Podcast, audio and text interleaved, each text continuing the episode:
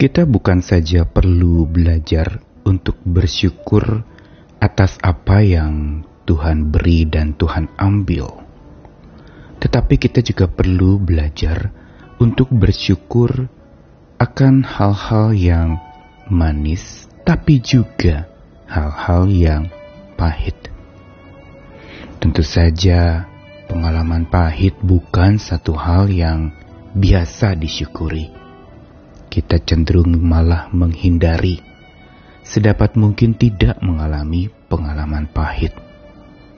Begitu pula masa-masa pahit, ketika terhimpit masalah, ketika terjerat oleh kesulitan-kesulitan hidup yang begitu membelenggu, bahkan merusak sukacita kita. Sulit memang bagi seseorang untuk bersyukur atas sesuatu yang pahit. Namun bila mau lebih jauh lagi kita renungkan hal yang pahit yang memang kebanyakan orang tidak menyukainya. Sesungguhnya alam membuktikan bahwa yang pahit pun berguna. Kita tahu obat umumnya terasa pahit, tetapi dia dapat dipakai untuk kesembuhan tubuh.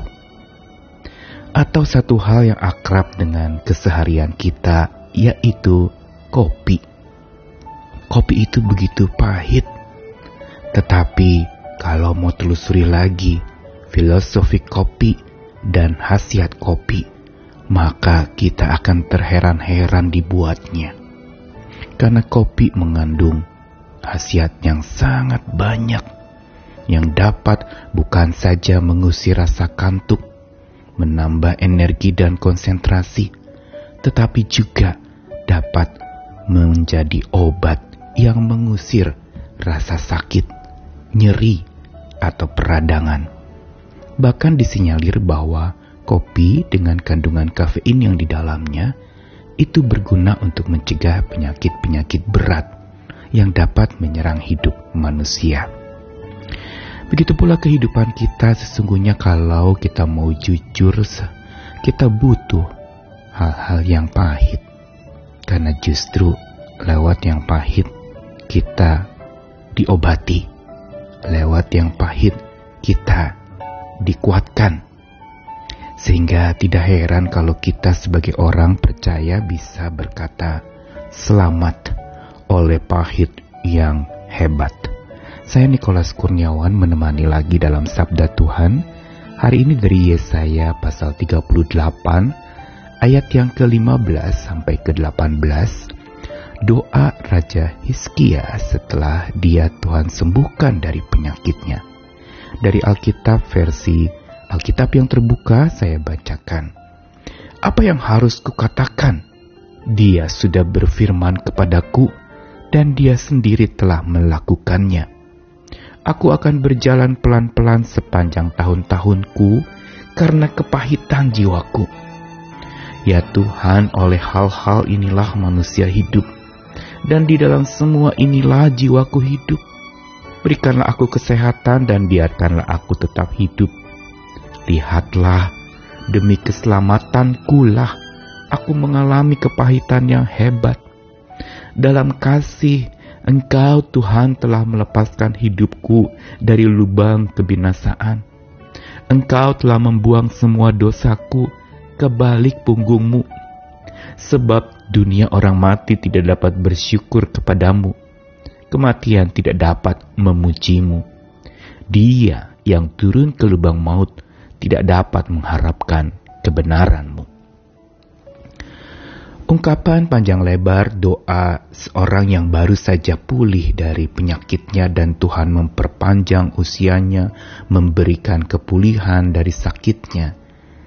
Sungguh biasanya berisi ucapan syukur, ucapan syukur. Tetapi di dalam apa yang dituliskan doa dari Hiskia, bukan sekedar ucapan syukur, namun di dalamnya memberikan kepada setiap kita kesaksian yang hidup akan masa-masa pahit ketika Raja Hizkia sakit. Di dalamnya ada sebuah perenungan yang dalam. Di dalamnya ada sebuah keterbukaan dan kejujuran. Dan inilah yang sebenarnya dan biasanya ketika orang mengalami sakit, mengalami terhimpit, mengalami masa pahit, dia biasanya menjadi lebih jujur dan berani belak-belakan bicara apa adanya. Dia berkata kepada Tuhan bahwa Tuhan sudah berfirman kepadanya, Tuhan sendiri telah melakukan, dan dia berjalan pelan-pelan sepanjang tahun, walaupun kepahitan jiwanya dia alami. Dia bilang kepada Tuhan, oleh hal-hal inilah manusia hidup. Berarti oleh hal-hal yang pahitlah sesungguhnya manusia hidup. Dan di dalam semua inilah jiwaku hidup. Dia mengatakan bahwa dalam semua yang pahitlah dia justru menjadi hidup. Bahkan dia berdoa kepada Tuhan untuk memberikan kesehatan dan membiarkan dia tetap hidup sekalipun dia mengalami kepahitan yang hebat. Dan dilanjutkan lagi dengan sebuah pembelajaran bahwa lewat kepahitan yang hebat, pengalaman pahitnya, masa-masa pahitnya, Hizkia mengatakan demi keselamatanku lah aku mengalami kepahitan yang hebat itu. Dia mampu melihat bahwa di balik kepahitan yang dia alami ada keselamatan Tuhan yang diberikan buatnya. Di balik segala masa-masa pahit dan pengalaman pahit yang memberatkan dan tidak sanggup dia memikulnya sendiri, dia menemukan ada titik cerah yaitu keselamatan baginya. Kepulihan oleh tangan Tuhan dan dia bersaksi bahwa di dalam kasih Tuhan telah melepaskan hidupnya dari binasa. Tuhan telah membuang semua dosanya ke belakang Tuhan. Berarti sudah tidak ada lagi dosa yang menguasai dia. Dan dia juga bersaksi bahwa dunia orang mati tidak dapat bersyukur kepada Tuhan. Kematian tidak dapat memuji. Dia yang turun ke lubang maut tidak dapat mengharapkan kebenaran. Namun Hizkia mengalami kebenaran bahwa lewat kepahitan jiwanya, Tuhan justru sedang mengobatinya. Dan ini pembelajaran yang penting buat setiap kita orang percaya. Bahwa sebagaimana kopi pahit berkhasiat jadi obat pengusir sakit yang manjur.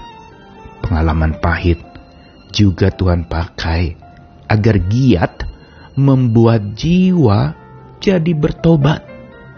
Sehingga dia mengalami selamat.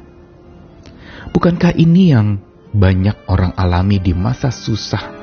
Saat itulah dia datang mencari Tuhan dan berbalik kepada Tuhan, sehingga Tuhan bisa memakai masa susah, masa pahit untuk hasil yang manis, hasil yang baik, selamat di tangan Tuhan. Dan pertobatan yang karena kepahitan hidup ini akan membawa kepada sebuah pertobatan yang sungguh sehingga dia betul-betul mengalami selamat yang dari Tuhan.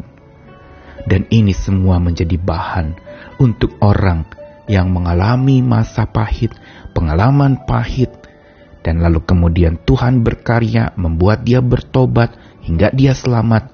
Ujungnya adalah ucapan syukur.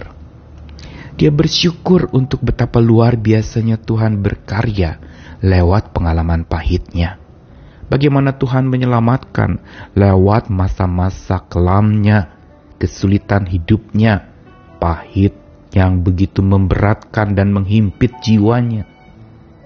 Kita belajar lagi dari apa yang dialami oleh hambanya ini.